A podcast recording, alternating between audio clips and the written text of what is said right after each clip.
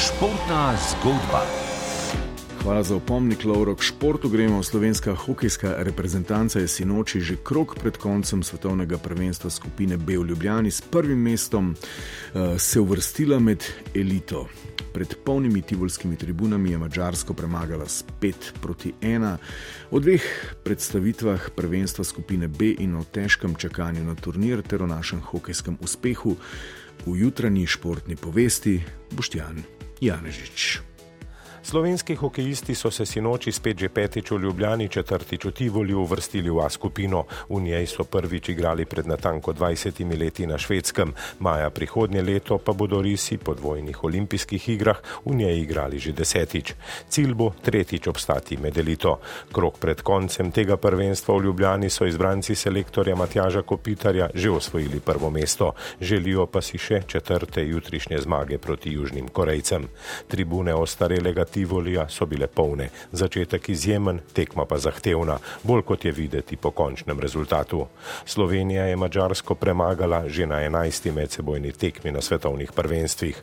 Do prvih dveh golov na turnirju je prišel Robert Sabolič, ki bo prihodnje igral v Beljaku, prvega že po pol minute tekme pa je dosegel Žiga Jeglič.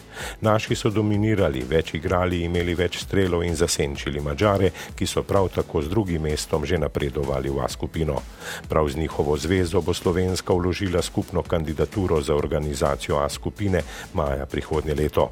Glavno prizorišče naj bi bilo v Budimpešti, ena od dveh skupin in dve četrtfinalni tekmi pa v Stožicah. Proti kandidatki omenjene kandidature naj bi bili Finska in Latvija. Prihodnje organizatorje bo Mednarodna hokejska zveza določila na letnem kongresu v začetku junija. Ta je spomladi začasno spremenila skupino, iz nje je izločila Rusijo in Belorusijo ter vanjo uvrstila Francijo in Avstrijo, v B skupino pa iz C preselila Litvo. IHF je prvenstva nižjih skupin dvakrat v COVID-nem času odpovedala. Slovenski hokejski delavci, igravci in navijači so dolgo čakali na ta turnir in na resno veliko zmago v tako polnem Tivoliju. V minuli sezoni je v najmočnejši regionalni ligi tudi v četrtfinalu igrala Olimpija. Olimpija, v prihodnji se morda pridružijo še jeseničani. Lani v tem času je bil podrožnikom pripravljalni reprezentančni turnir. Matjaš Kopitar je takrat našel nekaj novih reprezentantov, ki so se veselili sinočnega uspeha.